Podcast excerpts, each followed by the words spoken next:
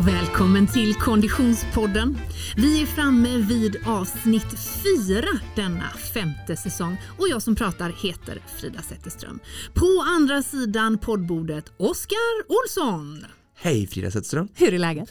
Det är mycket bra. Det låter bra det. Läget är grymt. Hur känns det? Har du liksom blivit kompis med namnet Supervasan? Jo men det har jag. Vi var ju lite inne på det innan också just det här Ja. superklassikern, Supervasan, vi vill ha med Vasan i namnet och ja, men det, det, det känns bra. Super är ju ett coolt ord också. Super är ett supercoolt ord och det är en väldigt fin respons. Jättekul. Och Så många som följer, ställer frågor, engagerar sig och ja, det känns som att det var ett bra ämne för säsongen detta. Mm, onekligen, det är väldigt gött att höra av er kära lyssnare. Vi är väldigt glada för det. Ni når oss som vanligt enklast via sociala medier, antingen Facebook eller Instagram. Vi heter Konditionspodden i alla forum. Eh, och vi ska ju då som sagt i dagens avsnitt eh, fokusera på den tredje distansen som är löpning. Idag ringer vi upp en cool kille du. Ja du, eh, om vi snackar eh, liksom löpning, det är jag som springer just i utmaningen i Vasaloppet finns det nog inte någon som kan den sträckningen bättre och sen eh, överhuvudtaget eh, löpning och sen vidare även ultramaraton och ultralöpning så är han ju liksom en svensk guru på världsnivå med världsmeriter. Mm. Vi pratar om Jonas bud och han kommer om en liten, liten stund. Men först måste vi ju ändå kolla och konstatera att eh, det är en hel del träning i Oskar Olssons liv just nu. Ja, det är så. Jag, jag, eh, ja, men liksom, det, är också, det är också väldigt tacksamt ska säga att göra det här det är ett fusk ska säga eh, mot andra människors utmaningar att jag får ju faktiskt väldigt mycket påhejningar och engagemang både från teamet eh, som vi inte ens har täckt än, vi kanske ska gå in och prata om det någonting idag. Eh, och sen även framförallt alla våra följare som ger mig massa liksom, påhejningar längs med vägen och följer mig. Så får massa energi och i den energin så blir det också att man känner liksom lite, eller jag känner lite press och vilja att göra bra ifrån mig för att det ska bli liksom inspirationellt för att hela liksom, utmaningen ska bli rättvis och bra.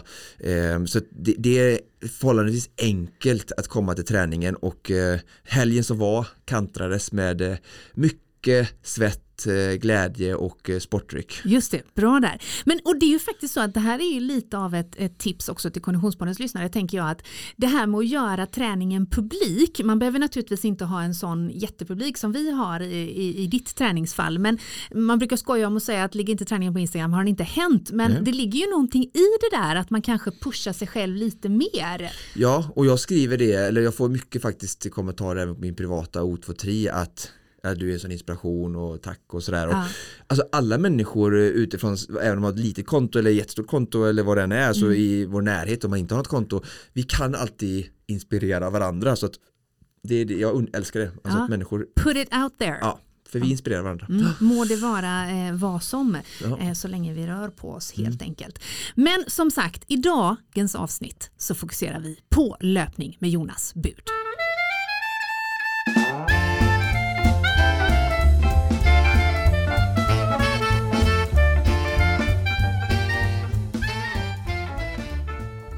Är så vansinnigt glada att ha med oss våran poddpartner Asics genom hela det här galna projektet. Eh, jag vet Oskar att i eh, förra avsnittet så fick vi reda på att du kommer att springa eh, distansen mellan Sälen och Mora i Fuji Trabuco Pro Korrekt. den Asics-dojan som är den trailskon som du är, mest förtjust i just nu. Men jag vet att du har tittat på en annan eller testat en annan helt nyligen. Absolut, och eh, det är verkligen liksom eh, tydligt tecken på först eh, vilket liksom kliv tycker jag de har tagit just i, i trail-segmentet, eh, hur utökat och, och liksom eh, edge de har fått där nu också.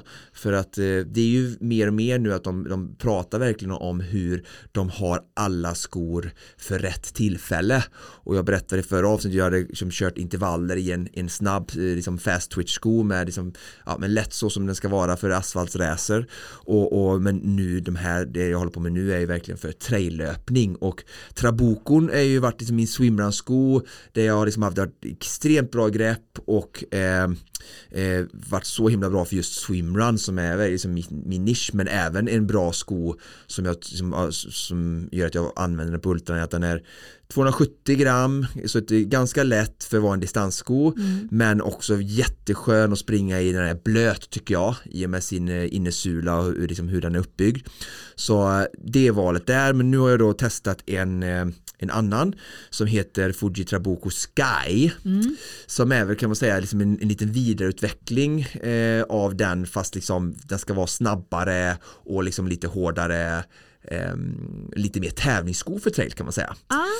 Och så här riktar den sig, jag, jag ska testa den för swimrun också, jag har inte riktigt gjort det än men jag är helt övertygad att den kommer vara grym där också. Mm. Och då skulle jag nog ha den skon till lite kortare tävlingar, en till tre timmar mm. och sen skulle proen gå till lite längre och liksom där mitt alltid huvudfokus har varit Ötjö och, och liksom den typen av tävlingar. Mm.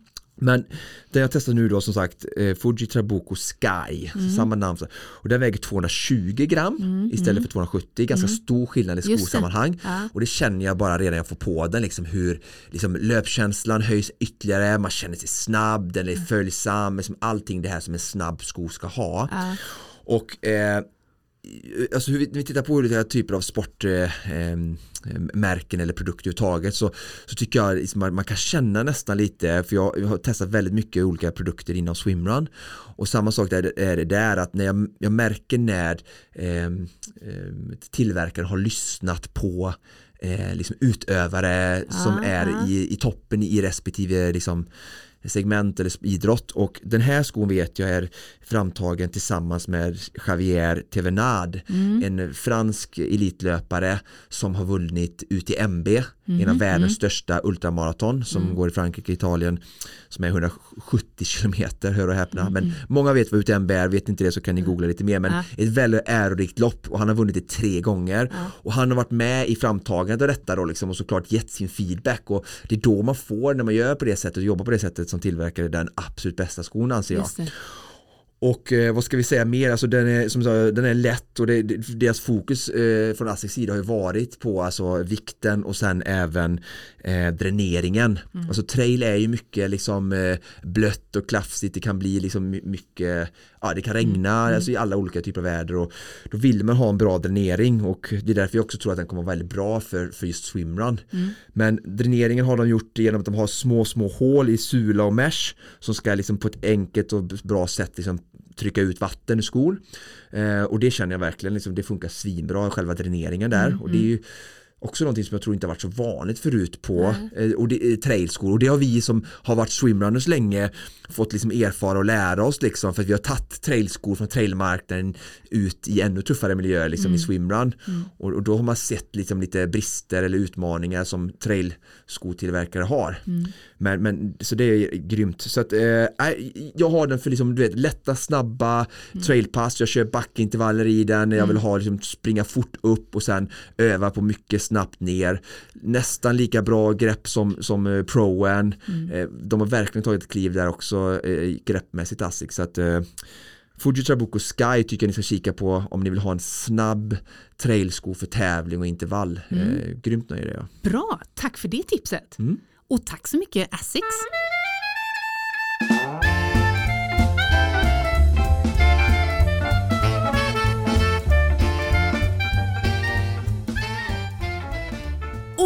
Oss under den här eh, säsongen har vi ju också våran poddpartner. Polar. Och det är ju inte bara den snyggaste klockan på din arm, Oskar. utan det är också en eh, fantastisk inspiratör.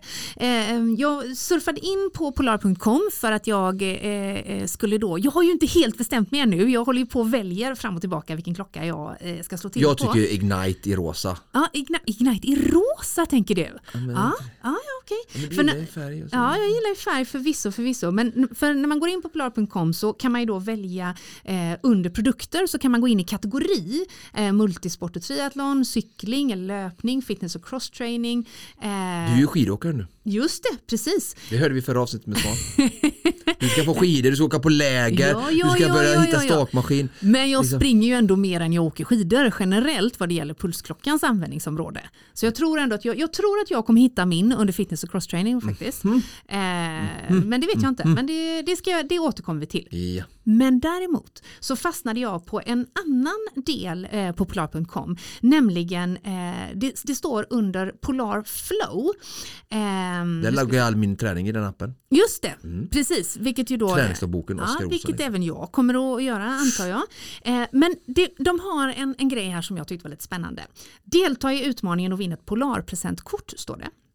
Eh, jag läser innantill. Inställda tävlingar kanske. Har du kört fast i träningen kanske? Utmana dig själv och kom tillbaka på rätt spår i din utveckling genom att träna med kunskap. Spring eller cykla valfri rutt och registrera din tid. Träna i fyra veckor med hjälp av våra tips och gör samma rutt igen för att se din utveckling. Det här gillar vi. Bra! Ja, eh, Engagera folk. Precis, anmäl dig nu eh, så har du chansen att vinna ett presentkort i den officiella Polarwebbshoppen. Och det är en tämligen lätt process måste jag säga, så jag uppmanar verkligen Konditionspoddens lyssnare att gå in på polar.com och eh, följa den här utmaningen. Det handlar alltså om att fylla i sina uppgifter, delta under fyra veckor eh, i valfri sport då, löpning eller cykling. Eh, man väljer rutt och distans själv. Det handlar ju helt enkelt om att se sin egen progress. För de jobbar under hashtaggen knowledge is progress. Eh, Och hur följer man sin egen progress? Jo men det gör man genom att använda, det finns en bildgenerator på den här sidan. Eh, Man skapar ett foto med sina egna resultat Ja. i nuläge. Ja. Och sen så då eh, jobbar man under fyra veckor med de här tipsen som man får av Polar. Efter fyra veckor Men hur dokumenterar man, man det då? Genom att då eh, sen skapa en andra resultatbild efter fyra veckor. Ah. Eh, dela Bra. den resultatbilden. Det verkar tämligen enkelt måste Ja, jag säga. Eh, och då är man med i utlottningen utav ett presentkort. Jag tänker nästan så här, jag skulle skicka den här utmaningen att du ska försöka göra det när du får din Det eh, tänkte klocka. du nästan också göra. Och så för, kan du berätta om det efteråt så Ah, kan vi få ja. lite uppföljning på detta. Ja. Jag gillar inte när folk bara pratar om saker sen så bara rinner det ut liksom. Nej just det. Så just att, eh, det. jag skickar lite puck, sen får du välja upp om du vill plocka upp denna eller inte Frida. Ja, ja, ja, Läxa ja, ja. eller Bra, bra, uppmaning bra, eller. Ja. Och jag skickar den raskt vidare ut till alla våra Ja, goa de lyssnare. också? Jajamän. Men de kan ju inte berätta för oss här i podden om några avsnitt hur det gick. Nej, så kan det ju förvisso vara. Men oavsett om jag eller ej gör det så Ja. uppmanar jag dig som lyssnar. Ta nu chansen att du också kan få sätta en polarklocka på din arm. Föredöme är kunskapens moder höll jag på att säga. Det var ett, ett bra nytt saying vi skapade här. Men missa nu inte chansen, gå in på polar.com och delta i den här utmaningen för att vinna ett Polarpresentkort alltså. Och vi säger precis som vanligt tack så mycket Polar för att ni håller oss i handen runt armen hela den här säsongen. Ja, tack snälla.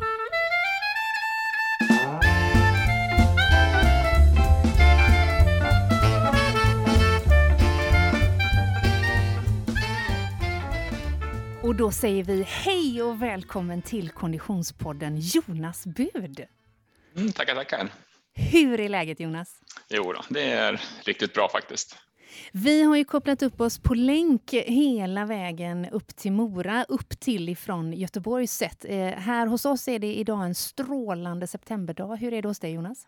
Ah, det här är ganska eh, grått och mulet idag faktiskt, men ingen regn i alla fall. Men det är genomgrått allting. Det är så? Ja, okej. Ja. Var befinner du dig nu någonstans? Ja, nu sitter jag på jobbet faktiskt, det gör jag. Okej. Har du träningskläder på dig? Nej, men jag har dem faktiskt i hyllan bakom mig här så det brukar bli lite lunchträningar ibland och lite sånt. Ja, det är så ändå alltså? Ja, då, det blir det. Man lever allt vad redo för träning. Ja. Hur kan ett lunchpass för Jonas Bud se ut eh, hösten 2020? Ja, men det är nog väldigt olika. Det beror nog på lite grann hur mycket tid man har oftast. Men eh, en timme brukar jag försöka i alla fall kunna få ihop. Då, ja, jag springer väldigt mycket i terrängen och skog och sånt. Men för att komma till och från terrängen så är det några kilometer asfalt först här då.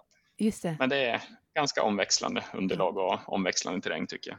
Vi ska återkomma till din kunskap och eh, eh, eh, bekanthet med just den terrängen där du befinner dig. För det är ju lite grann så att eh, det är det, lite den kunskapen vi vill åt. Men jag tänkte vi måste bara eh, börja eh, lite längre bak i tiden för att, måla bilden av Jonas Bud för Konditionspoddens lyssnare. Hur kommer det sig att en orienterare plötsligt börjar springa jätte, jätte, jätte, jättelångt väldigt fort? Mm, det började egentligen eh, 2004. Eh, mm. Vi blev lite sugna på att springa en mara, jag och min fru då, då, som inte var fru just då, men blev det senare. Eh, vi bestämde oss för att ska åka till New York och springa New York Marathon. Just det. Eh, så vi drog dit helt enkelt. Så det blev min första mara. Okay. Jag hade orienterat en hel del innan och sånt. Och sen hade jag tänkt springa Stockholm Marathon på våren innan, då blev jag, fick en bristning i valen så det blev ingen starter, så det blev premiär på New York faktiskt. Okej, okay. och man skulle kunna drissa sig till att tänka att som orienterare i de svenska skogarna kring Mora till Manhattan och Brooklyn Bridge är det ett ganska stor skillnad i löpning och karaktär. Ja, det, det kan man ju jag säga. Jag vet inte, jag bara känner spontant så. Viss skillnad. Ska man köra en mara eller man tar den största direkt? Liksom, ja, ja, absolut. absolut. Ja. Och vad var det som du blev biten av då, då förutom New York? Ja, men det, det gick ju jättebra. Jag hade ju sprungit Lidingöloppet och sånt innan och sen eh, stod man på startlinjen med, jag vet inte, 30, 40, 50 000 andra. Så eh, det gick jättebra. Jag sprang på 2.36 där och det var ju över all förväntan. Och sen så tänkte man kanske ska prova se om man kan springa fortare på mara. Ja. Och sen så har det blivit några maror till efter det då. Och eh, sen eh, det blev egentligen, jag sprang i New York några flera gånger i rad där också. Jag sprang väl fyra år i rad tror jag. Oj, ja, okej. Okay. Mm, men sen eh, träffade jag lite annat folk där som tyckte att jag borde prova på Ultra ja. och se om det kan passa mig då. Eh, sen tog det några år till och sen så ungefär likadant och min fru faktiskt som sa att hon ville åka och springa ett lopp i Schweiz, Swiss Alpine Marathon, 78 kilometer. Okej. Okay. Hon tyckte det var kul om jag också ville följa med dit då. Det kan jag till för tittare som inte vet vad Swiss Alpine Marathon är så är det en av Europas största ultramaratontävlingar och den är knappt 8 kilometer och eh, jätte... 8 mil. 8 mil, ja precis. Mm. Eh, jättekuperad. Eh, berätta kort om, om Swiss Alpine Marathon som, som tävling. Ja, den går i terräng största del också. Det är lite grusvägar i början och sen den är ju som sagt väldigt kuperad. Den är 2700 höjdmeter man ska ta sammanlagt. Det är ju ofta så i Schweiz. Mm. också här, vi, vi börjar i rätt ände nu med Ultima. Vi tar den tuffaste vi kan hitta. mm. Alltså en startare går i mål i Davos då, gör den. Så, det, så det är en rundbana där då. Och man är upp också på nästan, eh, jag tror man är precis över 2700 meter som högsta punkt också. Oj! Och jag har liksom aldrig varit i Alperna tidigare heller, inte på de höjderna. Så det var ju mycket, mycket nytt att lära sig inför det loppet. Bara, bara Gesundaberget innan? Just det. Ja, precis. Det är 200 höjdmeter en vända. Men, men, Jonas, var någonstans är vi i tiden då när det här sker? Eh, det här måste vara 2008 kanske. Mm, Okej. Okay. Mm. 2007 var det nog, precis. Eh, första var var 2004, ja. Mm. Just det. Ja. Och, och, är det någonstans här som du liksom inser att eh, det här är, är det som du liksom satsar på helhjärtat? Eller? Ja, inte innan loppet i alla fall, för då tycker man ju bara att ska man ens ta sig runt det här? Hur, hur kommer man överleva det här? Ja, Men det är sen... ju det som alla normala människor tänker. Ja. ja. men sen gick ju starten där då. Liksom jag hade bestämt att ta det ganska lugnt i början och sen så eh, gick det ju så pass bra så jag lyckades ju vinna det första loppet. Oj! Så det... vad, vad sa de där nere då? Ja, de blev lite förvånade de också. Liksom. De visste inte vem jag var. De hade försökt att googlat upp mig lite och sökt vem jag var för något. De hade ju nästan inga, ingen bakgrundsinformation alls. Det stod bara dalmas. Ja, precis. Stark dalmas. Hittade ja. lite kanske orienteringsresultat och sånt. Eh, så de blev nog lika chockade som jag blev när jag kom i mål där och lyckades vinna det där då. Vad var det för tid ungefär? Alltså hur länge höll man på? Ja, det är väl, kan det vara sex och en halv timme, någonting sånt. Ja. Jag tänka mig att det tog. Mm. Mm. Eh, och sen precis, sen fick man ju prova på det där, om det var bara en nybörjartur. Sen sprang jag året mm. på också då.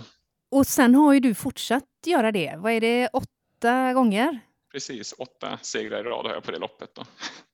Det, det, är ju ändå en bra svit alltså.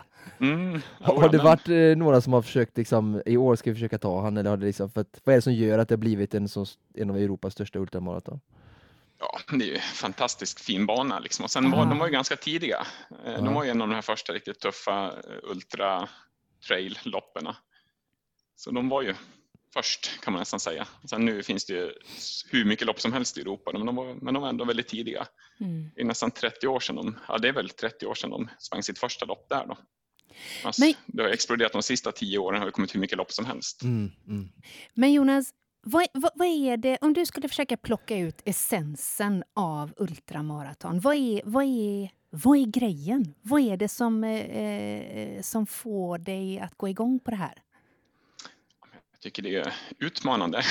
Testa se om man liksom klarar av det till att börja med, om man tar sig i mål. Det är, liksom, det, är det många försöker liksom att ens ta sig i mål. Ja, fast jag, jag, vi måste mm. backa lite på detta Jonas. Du är extremt ödmjuk. Det handlar inte om att ta sig i mål för dig. Man, man vinner inte eh, eh, Swiss Alpine Marathon åtta gånger på raken och, och innehåller världsrekord och gud vet allt om man bara har som ambition att ta sig i mål. Det är inte där vi är. ja, men I början var det lite så. Liksom. Det var ju, man visste inte om man skulle eh, greja det där. Nej. Även andra året, året, det var liksom, jag körde min andra andra Swiss Alpine, då körde jag i stort sett min andra Ultra också. Liksom. Man var ju nybörjare mm. ett tag där i början innan man körde lite andra lopp. Så ja, I början kan jag säga då gällde det mer eller mindre att ta sig i mål på de här loppen. Okay, ja, mm. och det svåra är ju liksom, när man startar, då är man ju jättepigg och fräsch. Liksom. Det är först på slutet man blir trött. Ja. Så det gäller ju att inte köra liksom för tufft och för hårt i början, då kommer man ju aldrig i mål. Det vet jag allt om, och det ska jag berätta om sen. vi har ju en liten anekdot som vi ska återkomma till, på just eh, eh, eh Oskars närkontakt med dig eh, och vad den fick för konsekvenser. Men du, eh, eh, om, om, vi tittar på ett ultramaraton eh, och hur du lägger upp det, för just den här eh, liksom, eh, insikten att det handlar om att fördela sin egen energi går ju faktiskt att översätta för oss vanliga dödliga också i löpning och, och, och i, i, bra mycket kortare distanser men som kan vara långa för en själv. Hur, hur, hur, hur ser du på disponering av, av ett lopp? Ja, men det är som du säger, det är jättebra att försöka dela upp det på olika delar. Och mm. just eh, Swiss Alpine, den, är ju, den delade jag upp på tre delar. Vi tar den som exempel då. Mm. Det var liksom första delen, den var lite plattare, lite nerför och lite, lite snällare helt enkelt. Liksom den här första eh, två och en halv timmen, då ska man liksom eh, lätt ansträngd, liksom bara flyta igenom, inte ta i så jättemycket. Mm. Och sen så börjar den här jättebacken då på 2000 höjdmeter i stort sett i sträck rakt upp för. Mm. Och där vill man ju ändå kunna gå på lite hårdare men inte liksom gå över tröskeln utan ändå eh, lite mer ansträngd får man ju mm. vara där då. Mm. Och sen framförallt just för, jag vet att jag är väldigt bra på att springa ner för att springa bra där det är lite styggt och stenigt. Mm. För den här sista delen då, att jag ska kunna springa på väldigt hårt, just den delen. Och man vill absolut inte börja gå när det är nerför och platt. Där ska man ju kunna springa. Liksom. Just det. Den, den var ju väldigt lätt att dela upp då.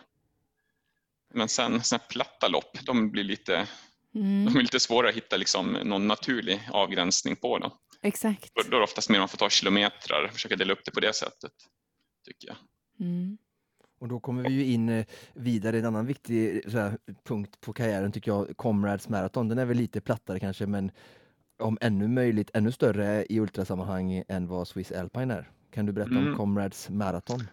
Ja, precis. Det är ju ett lopp i Sydafrika då på också 89 kilometer ungefär. Det är den distansen jag gillar. Ja, ungefär. mil. Strax under 10 mil och runt 10 mil. Mm. Eh, den är ju jättestor. Det är ju eh, ja, 30-40 eller 30, 20-30 000 deltagare på den. Oj! Oj det, är helt, det är helt galet. Men det är rätt land då. Afrika är ju löpning kanske lite annorlunda ja, än i Sverige. Ja.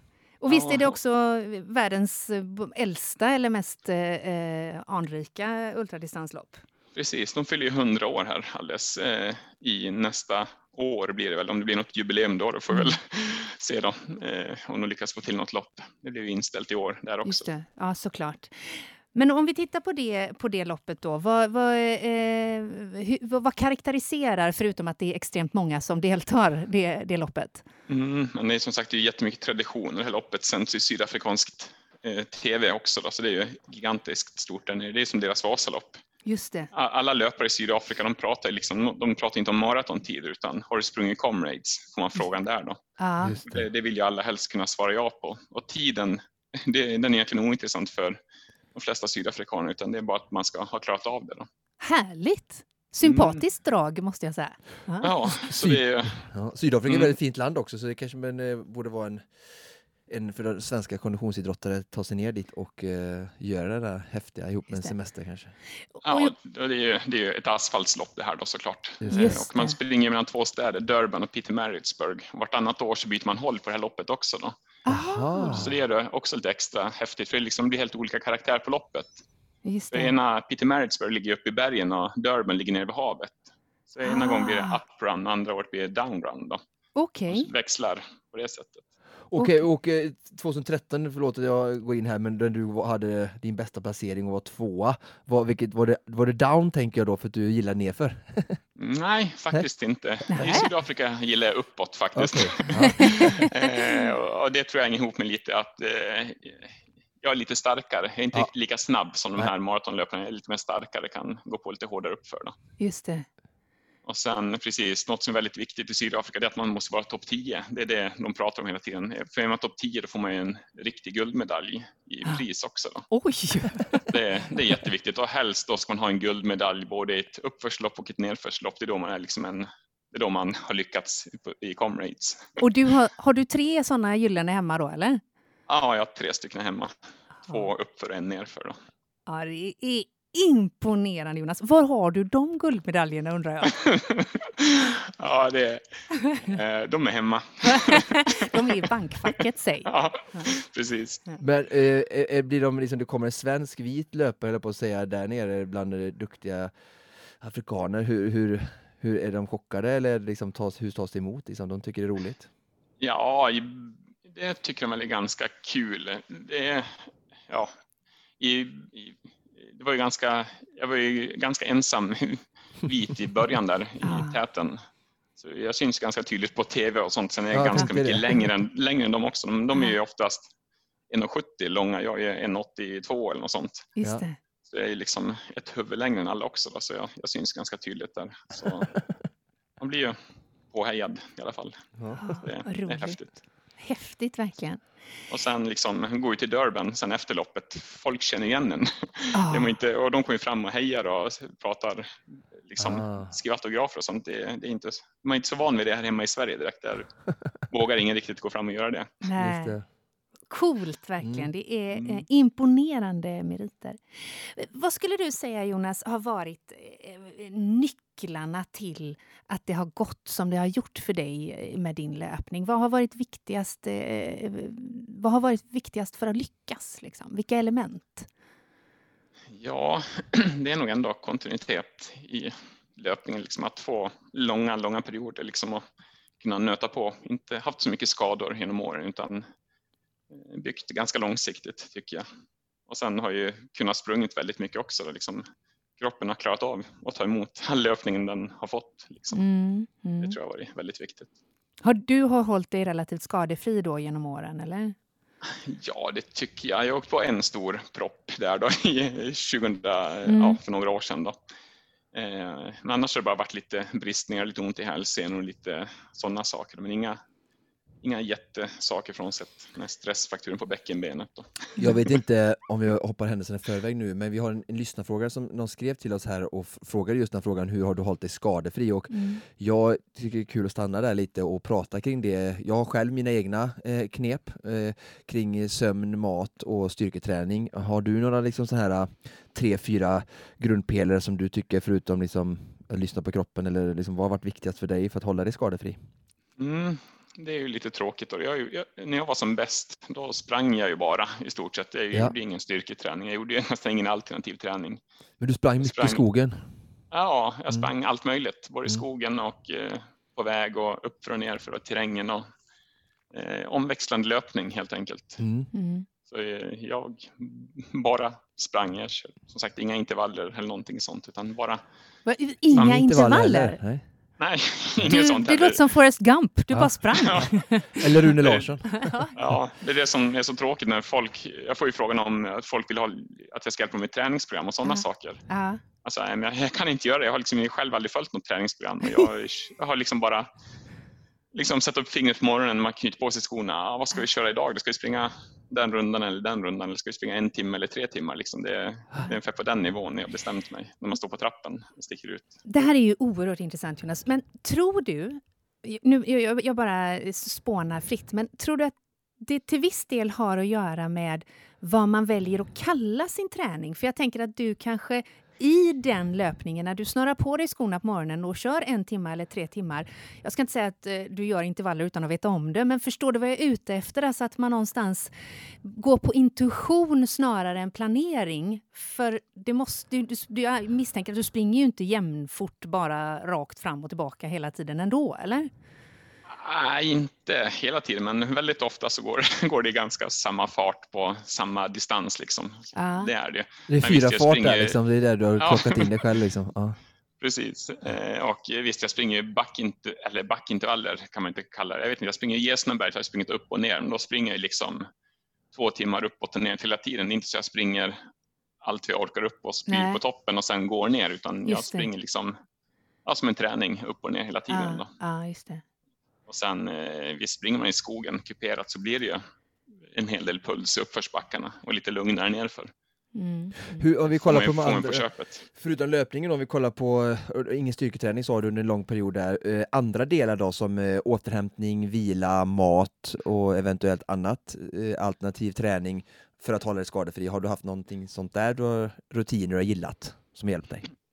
Eller som du tror kan vara nyckel? Nej, men det är väl att våga lyssna på kroppen. Liksom. Är man trött och sliten, då, då får man ju vila, ta det lugnt den dagen. Liksom. Mm. Eh, Så är det ju. Och sen, ja, visst jag försöker ju sova mina timmar som behövs, det gör jag ju. Och sen på vintern, jag åker lite skidor och nu på sommaren så cyklar jag lite mountainbike och lite sånt också. Det har blivit kanske lite bättre med alternativ träning nu på slutet då, men ändå när jag körde som mest, då var det nästan ingen sån alls. Du säger körde mest, så är vi typ 2007 till 2014 då om vi ska hårdra, hårdra eller 2015? Ja, precis. Mm. Det kan man säga. Då var det mest kilometer in på kontot. Mm, mm. Vad är det som eh, triggar dig idag? Vad, vad, vad lockar dig till att eh, ta det där lunchpasset eh, eh, om en halvtimme? Jag tycker det är härligt att få komma ut. Liksom. Det, det är en lycka att få ut och springa och, och kunna göra det. Liksom. Märker om man är liksom, förkyld eller har ont någonstans i några dagar. Man blir ju rastlös. Mm, Man vill, ju, man vill liksom ut och röra sig. mm, Oavsett om det är en halvtimme eller som sagt tre timmar så vill man ju göra någonting hela tiden. mm. Jag vill fortsätta och avsluta. Vi har tagit oss igenom Swiss Alpine Marathon, vi har Comrades och jag tänkte vi skulle sluta på Ultravasan och innan vi kommer dit i din fantastiskt långa häftiga karriär så eh, har du ju ett VM-guld på 100 km också. Det är lite längre än din favoritdistans då, 90. Men ta oss gärna igenom det 12 september 2015. Ja, det, ja, hela 2015 var en helt tokig säsong egentligen. Och vi backar lite till där också. Då. Jag Ja. fick ju min, som sagt min stressfraktur i december 2014. Ah, Bäckenbenet. Så jag var ju liksom, det var min största stora skada då. just det. Eh, Så jag kunde inte träna. Eh, Ja, den kom i mitten på december ungefär. Och sen så sprang jag mitt nästa riktiga pass. Det var ju typ i ja, början på april började jag kunna springa lite grann. Mm. Och först i slutet på maj som jag liksom kunde börja springa lite mer kontinuerligt. Oj, sprang jag ja, okej. tre, dag, tre dagar i veckan. Eh, Så då trodde jag liksom att jag kommer inte kunna springa VM, jag kommer inte kunna springa Ultravasan. Liksom nöjd jag kan få springa någon tävling i år. Mm. Men sen liksom det som hände i juni sen, det är, liksom, det, är det som alla vill uppleva misstänker jag. Eh, liksom det gick hur lätt som helst. Eh, alla löpningar. Eh, jag sprang lite lokala tävlingar här hemma och slog, liksom, jag slog rekord, banrekord på de loppen. Även fast jag sprang tre dagar i veckan. Så liksom kroppen svarade enormt bra på den träningen jag fick där. Då.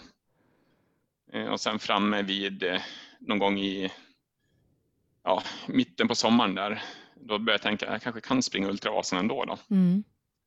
Eh, så jag bestämde mig för att som sagt köra Ultravasan där. Och den går ju som sagt i augusti, Mm. slutet på augusti. Och sen VM så gått tre veckor efter Ultravasan. Då då. Men just då fanns ingen, inget fokus på VM överhuvudtaget, utan det var bara liksom försöka eh, springa Ultravasan. Och året innan så har sprungit Ultravasan på sex timmar och någon minut, precis över sex timmar. Och det tyckte jag var en helt fantastisk tid. Det är ju fyra minuter per kilometer Mm. i snitt det då. sen när man står på startlinjen 2015 uppe vid Sälen där och eh, starten går, alla löpare springer iväg och ett riktigt bra startfält, då tänker man ju att man ska försöka hänga med så långt det går i alla fall, för jag hade liksom inte sprungit, jag hade sprungit en mara hade jag sprungit innan som längst liksom på hela säsongen. Jag hade nästan inga långpass alls i löpning. Men sen när man börjar närma sig halvvägs där så börjar det, det gå ganska bra. Jag tittar ingenting på klockan alls under loppet utan bara försöker hänga med och lyssna på kroppen. Eh, och sen när man springer halvvägs sen då blir jag själv. Då har jag sprungit ifrån de andra helt enkelt och sen kan rulla på ner mot Mora. Då. Mm. Egentligen först när jag börjar närma mig Eldris, när det är nio kilometer kvar, som jag liksom ser klockan in i kontrollen. Mm. Och börjar tänka, men det här... Det är något nu, som är fel. Nu, nu, ja, nu är något som är fel. Jag, har alldeles för lång tid på mig att ta mig till målet för att springa under sex timmar. Ja. Liksom, man, man, man är lite trög i hålan också när man har sprungit så här långt. Man börjar ju räkna konstiga tider och allt möjligt. Ja, ja. Men jag började titta på min klocka också. Liksom, det här det kommer ju gå under sex timmar och sen sprang jag liksom på 5.45 och snitta 3.50 per kilometer. Man kommer i mål, det är som man knappt tror eh, det är möjligt. Ja. Eh, så det var ju riktigt häftigt. Men, men, men, om, vi, om vi håller oss lite vid det här loppet. Eh, mm. Det är alltså 2015 eh, eh, och, och, och eh, det, det är an, andra gången som eh, Ultravasan arrangeras, eller hur? Mm. Mm. För, för, för, då hade du nämligen en, en, en partner in crime där på, i startfältet mm. som just nu befinner sig väldigt nära mig i poddstudion och som hade då... ja, ja, vad var det som hände, Oskar? Du hade som ambition att hänga med Jonas Bud. ja, det vet jag inte om jag hade några för ambitioner egentligen, men som tävlingsmänniska så är det ju svårt att låta eh, bli. Ja, precis. Och jag kommer från andra idrotter in och bestämde mig för det här loppet några veckor innan och visste precis vem Jonas var och eh, tyckte också, går nog igång av samma sak som Jonas, just med ulta, eh, alltså utmaningar med ÖTÖ och Ironman och sånt där som jag hållit på med. Och eh, det här var en given utmaning och eh, jag tränade några veckor inför, jag tror jag lyssnade faktiskt på någon podd eller någonting när Jonas pratade om vikten av de här 4-5 timmars passerna så alltså att jag fick nog in ett sånt i alla fall. Ehm, ja, och sen så då var det väldigt kul för några minuter sedan här i programmet, vi hörde Jonas säga att det är väldigt lätt att vara stark i början. och eh, det här är ju 2015, det är 2020, men jag då var jag 30, nu var jag 35. Ehm, jag har blivit mycket klokare med åren, även om jag har kanske den impulsiviteten i mig. Så ehm, just det här att vem som helst kan vara snabb i början. Mm. Och eh, det känns ju alltid så lätt i början. Så är det på en intervall på 400 meter simning också. Liksom 100 meter känns alltid enkelt. Och, eh, ja, jag i starten gick där och eh, jag var ju så eh, starstruck. Det var han, eh, vad heter han, Max var med också. Max King. Ja, just det. Och så Jonas där, då, de var ju två liksom, så, som vi andra, det var ju som idoler liksom. Och så sprang vi upp för den här backen som, som alltid, eh, när man ska ta sig mellan Sälen och Mora på olika sätt. Och jag kommer ihåg att jag kollade på klockan vid fem kilometer och då hade vi under 20 minuter, mm. vilket jag tänkte var det är helt otroligt. Vi springer under fyra, det går ju upp för tre och en halv. Liksom. Och då började jag tänka så här, va, Vänta lite, kanske det här går lite fort liksom för mig. Det här, jag hade måltid då på 4.30 snitt mm. Eh, för Patrik Gustafsson som jag känner och sprungit mycket med hade det. Och i vi fortsätter upp på grusvägen och sen eh, lite vidare minnen har jag då så är jag då andra svensk i Smågan bakom Jonas och topp 10 och eh, kanske en halv minut, minut max bakom Jonas då som springer sitt rekordår. Just det, han kände doften av det Jonas alltså. och jag har ett särskilt minne av det kommentatorn liksom läser upp. Jag hör då när Jonas kom in i kontrollen strax innan då, mm. spiken då och här Jonas Bur och liksom, han är favorit och hemmason och liksom vann året innan och allting och så är det liksom tio eller nio andra utländska löpare. Mm. Så ser jag att han ser mitt nummer så börjar han bläddra i listan så och så har vi Oskar Olsson. Bara, vem är det? Ja, vem är det här liksom? Och egentligen letar efter de andra svenskarna från Salomon och eh, ja, andra duktiga svenskar som, som skulle komma bra då. Eh, och sen var det ganska ridå ner för mig. Jag, jag sprang med fransman eh, som typ 15 plats eh, till Evertsberg och sen Evertsberg så började jag gå nerför, så jag kom till Oxberg så eh, sa jag att eh, äh, nu är jag färdig. Mm. Nu, ska jag inte, nu får ni bära hem mig. Liksom. Mm. Och eh, friskt vågat, hälften vunnet. Just jag lärde mig jättemycket och tänkte att jag ska komma tillbaka och ta det här loppet eh, som faktiskt passar mig. Jag har varit där uppe och tränat många år inför Ötjö, just på den banan för jag gillar den. Eh, för den är liksom upp och ner, lite skog, lite grus, eh, lite som Ötjö. Eh, och ehm, Så att eh, jag ska tillbaka dit någon gång och göra en bra tid. Eh, inte 5.45 har jag inte som ambition, men kanske under 6.30 i alla fall. Mm. Och Patrik Gustafsson då, en rolig grej i det loppet där. Eh, han är ju sprungit Göteborgsvarvet på 1.07 eller till och med under 1.07. Duktig löpare här i Göteborg och har sprungit många ultravaser och eh, jag har varit före han några gånger på Sancho Backa trail eh, som är 89 kilometer i skogen. Men han var 45, 45 eller han hade 44 eller 45 minuter i Smågan. Jag hade 36 någonting, jag tror Jonas bud hade 35 någonting. Så att jag var alltså åtta minuter drygt före eh, Patrik vid Smågan. Då har vi bara Mm. sprungit 9-10 kilometer. Mm. Och sen sprang han i mål på 6.30, vilket är för mig en fantastiskt bra eh, drömtid, liksom någonting jag hade velat. Så då ser man bara återkoppla där vikten av pacing och eh, Mm. mogenhet och sånt där som Jonas har pratat om i, för oss i det här programmet. Mm. Så att, eh, Jonas, jag har sprungit axel axel med dig och jag är jättestolt att få med när du satte den här otroliga tiden. Om jag ändå, en bara 9 kilometer gick all out för att hänga med och sen var jag bara 70-80 kilometer, Kort. ja kort ja precis. Mm.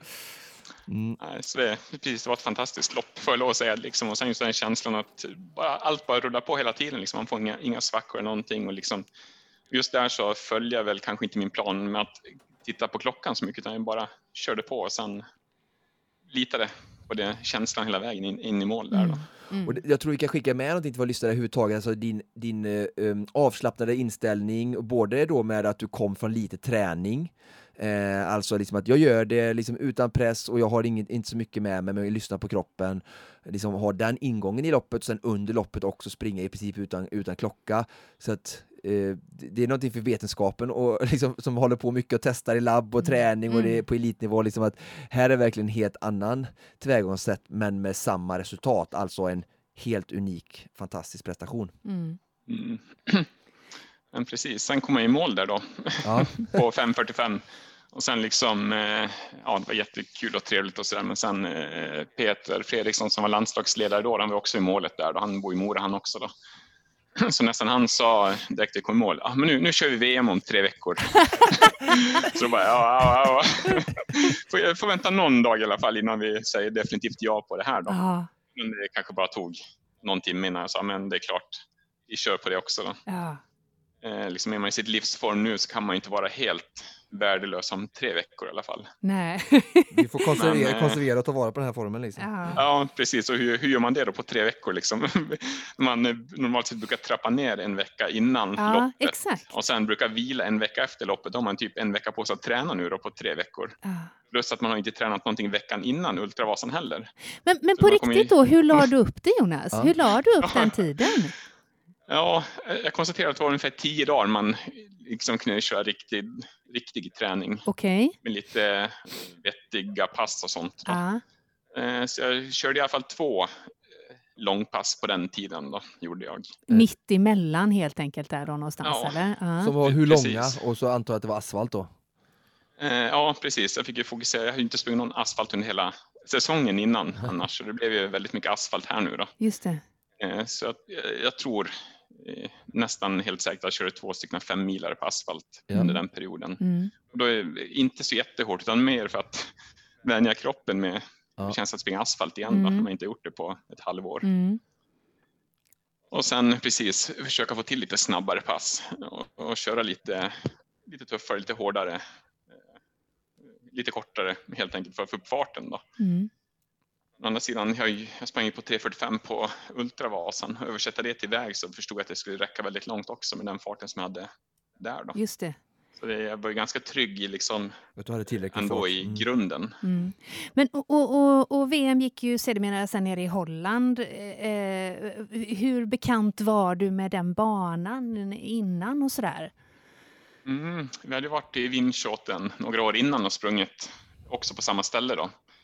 Eh, banan var ju lite omgjord då. Det var några nya sträckor och några nya eh, rundor där. Då. Mm, mm, Men det var ju en, eh, måste komma ihåg rätt, det var ju en 10 kilometers bana vi körde där. mm. Vi sprang ju 10 varv då. Just det. Och liksom känslan jag hade där då när man stod vid start. Tidigare år så har jag haft en väldigt tydlig plan, liksom vilken fart jag ska hålla och sådär. Mm. Och det var tanken här också lite grann. Ja, jag kommer köra kunde jag springa Ultravasan på 3.50 så borde jag fasen kunna springa platt väg i samma fart. Mm. Eh, Så jag startade i 3.50 fart och liksom den känslan av att kunna kontrollera loppet redan från start. Alla som var med, liksom, de rättade in sig i min fart. Det var jag som var Okej. eh, farthållaren, det var jag som var loket Ja, för alla där. Då. Ja. Eh, Så det kändes väldigt, väldigt kontrollerat hela vägen fram till eh, sex mil ungefär. Mm. Då kom det en liten amerikan som inte jag träffat för En liten amerikan. namn. Precis. Jim Wormsley upp och presenterade sig där då, lite grann. Ja, det var han som vann förra året, va, Ultran? Eh, ja, han har ju vunnit Ja. hur mycket lopp som helst Ja, efter ja. det. Då. Eh, så han sprang om och sprang ganska hårt där. Liksom, eh, redan när han sprang om då tänkte jag liksom, med den hälkicken, man kan inte springa 10 mil Mm. på det sättet. Han är enormt, eh, han ser ut som en sprinter Ja. i löp, löpsteget. Då. Ja, men jag fortsatte min fart och sen vid åtta mil ungefär då passerade han igen. Då var han jättetrött. För han, han sprang jättefort. Han var jag tror han var nästan tre, fyra minuter före mig ett tag där. Oj! Ja. Men sen så ja, tappade han ju Mm. allt det där och Mm. gick fullständigt in i väggen i stort sett.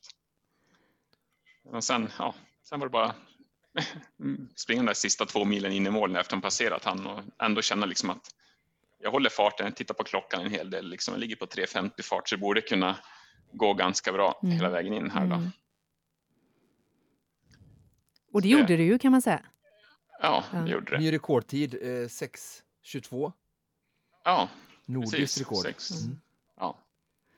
Så det var jättehäftigt. Så det, Vad är världsrekordet på en sån bana i den distansen?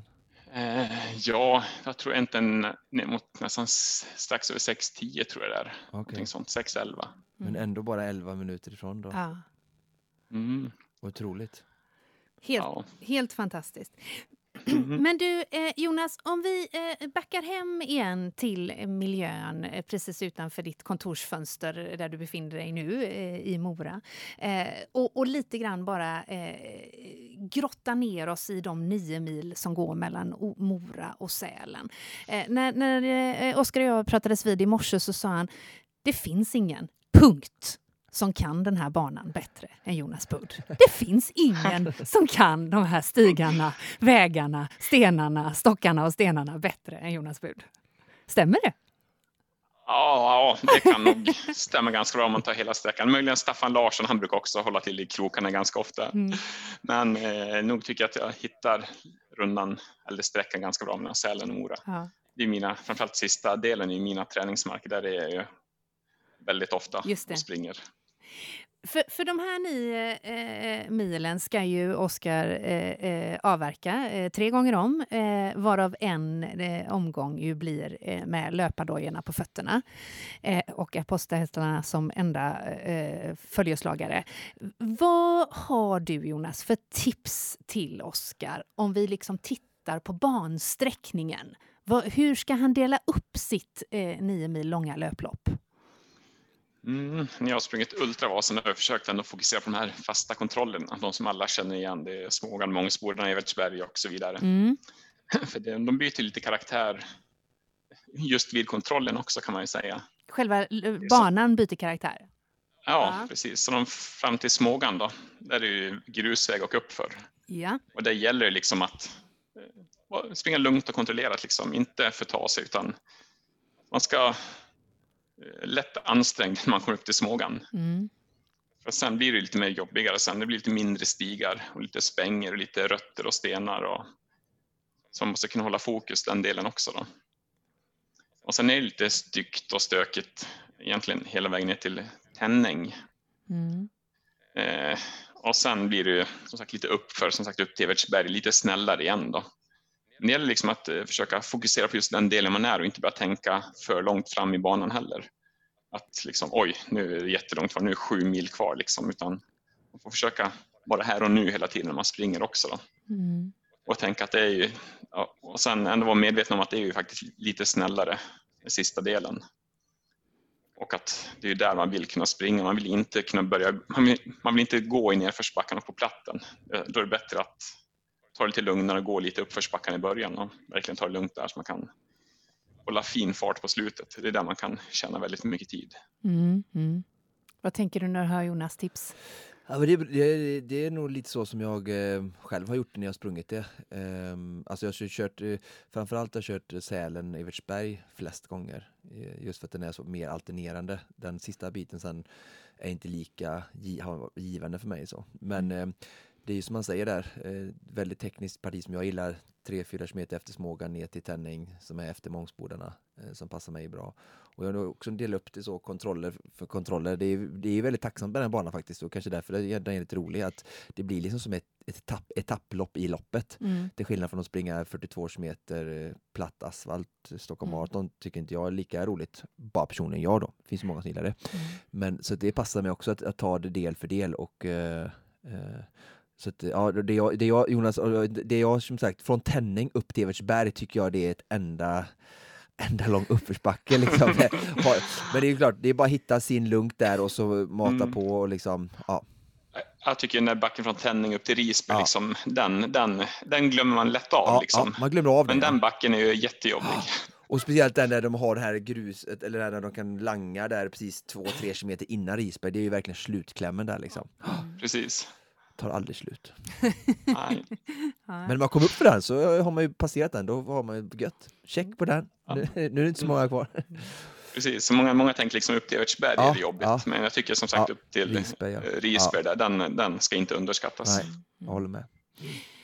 Vi, vi får ju anledning att återkomma till dig, eh, tack och lov. Eh, eh, du håller oss i handen till viss del genom det här projektet. Eh, och jag vet att du tidigare sa att du eh, inte brukar dela med dig av, av träningstips av den enkla anledningen att du inte jobbar så mycket med, med träningsplanering. Men om du ändå skulle försöka skaka fram eh, eh, något träningstips eh, till dels till Oskar som ju nu då ger sig på att, att eh, löpa den här banan, men också till våra Konditionspodden-lyssnare som vill eh, ge sig på ultradistanser. Har du något favoritpass eh, att plocka fram? Men det är ju de här långpasserna, det är ju det som, de som är nyckelpassen. Liksom. Man måste ju få till dem Ja, och kunna få ute och springa fem mil eller fyra, Ja. fem timmar liksom, och kunna få till dem någon gång lite då och då. exakt. Det, Det är de som är A och O för att klara av det här. Hur tänker du på dem? Du går du ut? Har du med dig energi? Hur lägger du upp dem? Har du någon liksom? Eller tar du bara på dig skorna? Ja, det- det är lite så att jag tar bara på mig skorna där också nästan.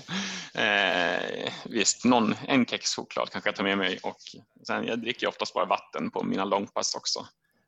Så jag, jag tillför inte så jätte, jättemycket energi på dem heller Hur, faktiskt. hur gör du på Ultravasan? Är det vatten och kexchoklad också? Ja, ja, där har jag väl druckit tävling då. Dricker lite mer sportdryck och sådana saker. Ja. Och eh, visst, några Snickers och lite sånt stoppar jag väl i mig. Och någon gel på slutet. Men oftast när jag tränar, jag tränar aldrig med sportdryck eller bars eller gels eller sådana saker. Utan då är det oftast vatten och kanske någon kexchoklad eller någon Snickers i ryggsäcken i värsta fall. Då.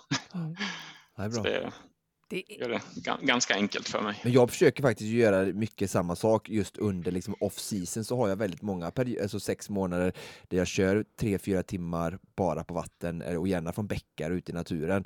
Men sen när jag kommer och förbereder mig för, inför tävlingar då brukar jag trycka i mig ganska mycket socker under långpassen just för att vänja min mage för jag vill inte ha eh, magproblem eh, under själva loppet och försöka lära kroppen det lite. Men annars tror jag säkert att det är en, en del, utan att det finns vetenskapligt bevisat här, så skulle jag som den utbildningen jag har och kunskapen och erfarenheten skulle jag kunna härleda mycket av din framgång till just att din, din kropp är grymt eh, fettoptimerad för långa, liksom, långa eh, utmaningar. Just för att du har den träningen i kroppen har fått jobba med eh, fett som energibränsle och effektiviserat det och sen så under tävlingar så tillsätter du även socker och ja, att du har fått en väldigt effektiv kropp under långa, många timmar och det kommer till följd av detta. Mm. Men som sagt, det finns ingen vetenskap att bevisa det, men det finns ju mycket forskning eh, inom cykling och andra som, som tittar på sånt här och eh, ja, så jag tror säkert det har varit bra också.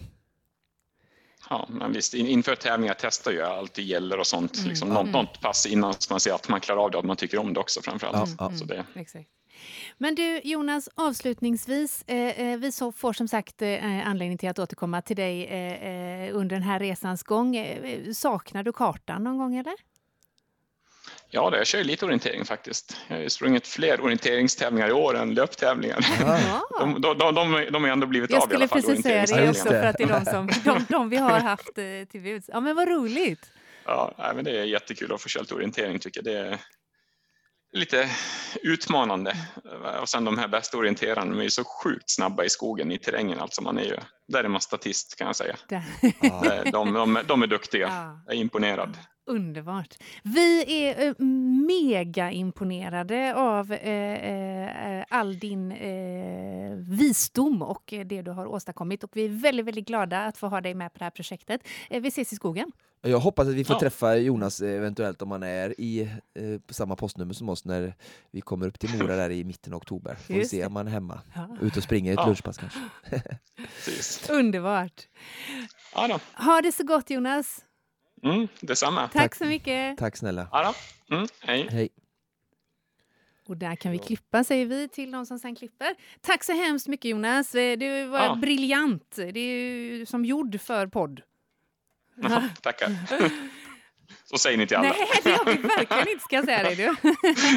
ja, men toppen. Ha det så gott Jonas. Bra. Ja då, Hej. ha det.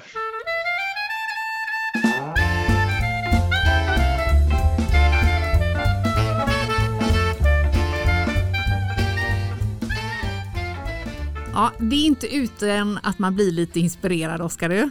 Inspirerad och eh, impregnerad, nej imponerad. Ja, my god. Vilken eh, otroligt eh, pragmatisk eh, och harmonisk inställning han har till löpning och sin träning. Mm. Och ödmjuk. Ja, minst sagt. Minst sagt. En, en sann inspiration och en, liksom, har gått sin väg, eh, verkligen sin väg Ja. och, och hittat fram till eh, liksom, ofantliga framgångar. Eh, så att, eh, ja, jättekul och eh, ja, svensk stolthet. Definitivt. Känner du att du också fick med dig eh, eh, lite mer eh, inför den tredje distansen av eh, Ja absolut, och så här, när, han, när han pratade om så här, ah, men så kom jag till Eversberg så var alla borta, så sprang jag bara på. Ja. och, och liksom, eh, jag bara, så där styrkan han måste känna där och så stark han var så kan jag hitta inspiration av hans prestation som kommer föda min trötthet att bara mata. Jag kommer tänka på han när jag börjar springa ner från Eversberg. att, Okej nu är det bara 43 kilometer kvar på en väldigt lång dag. Eh, nu matar vi Oskar, kom igen. Just jag är stark. Bang, bang, bang. Jonas Bud har sprungit här. Du är stark. Fantastiskt. Mm. Vi ser fram emot eh, den stunden. eh, husbilen. målgången. Eh, eh, och vi kommer såklart att delge dig som lyssnar detta så småningom. Men detta Följ. var allt vi hade att bjuda på för den här veckan. Om en vecka är vi såklart tillbaka igen. Tack för att du har lyssnat. Precis som vanligt eh, produceras Konditionspodden av Fredag. Connect Brands with People.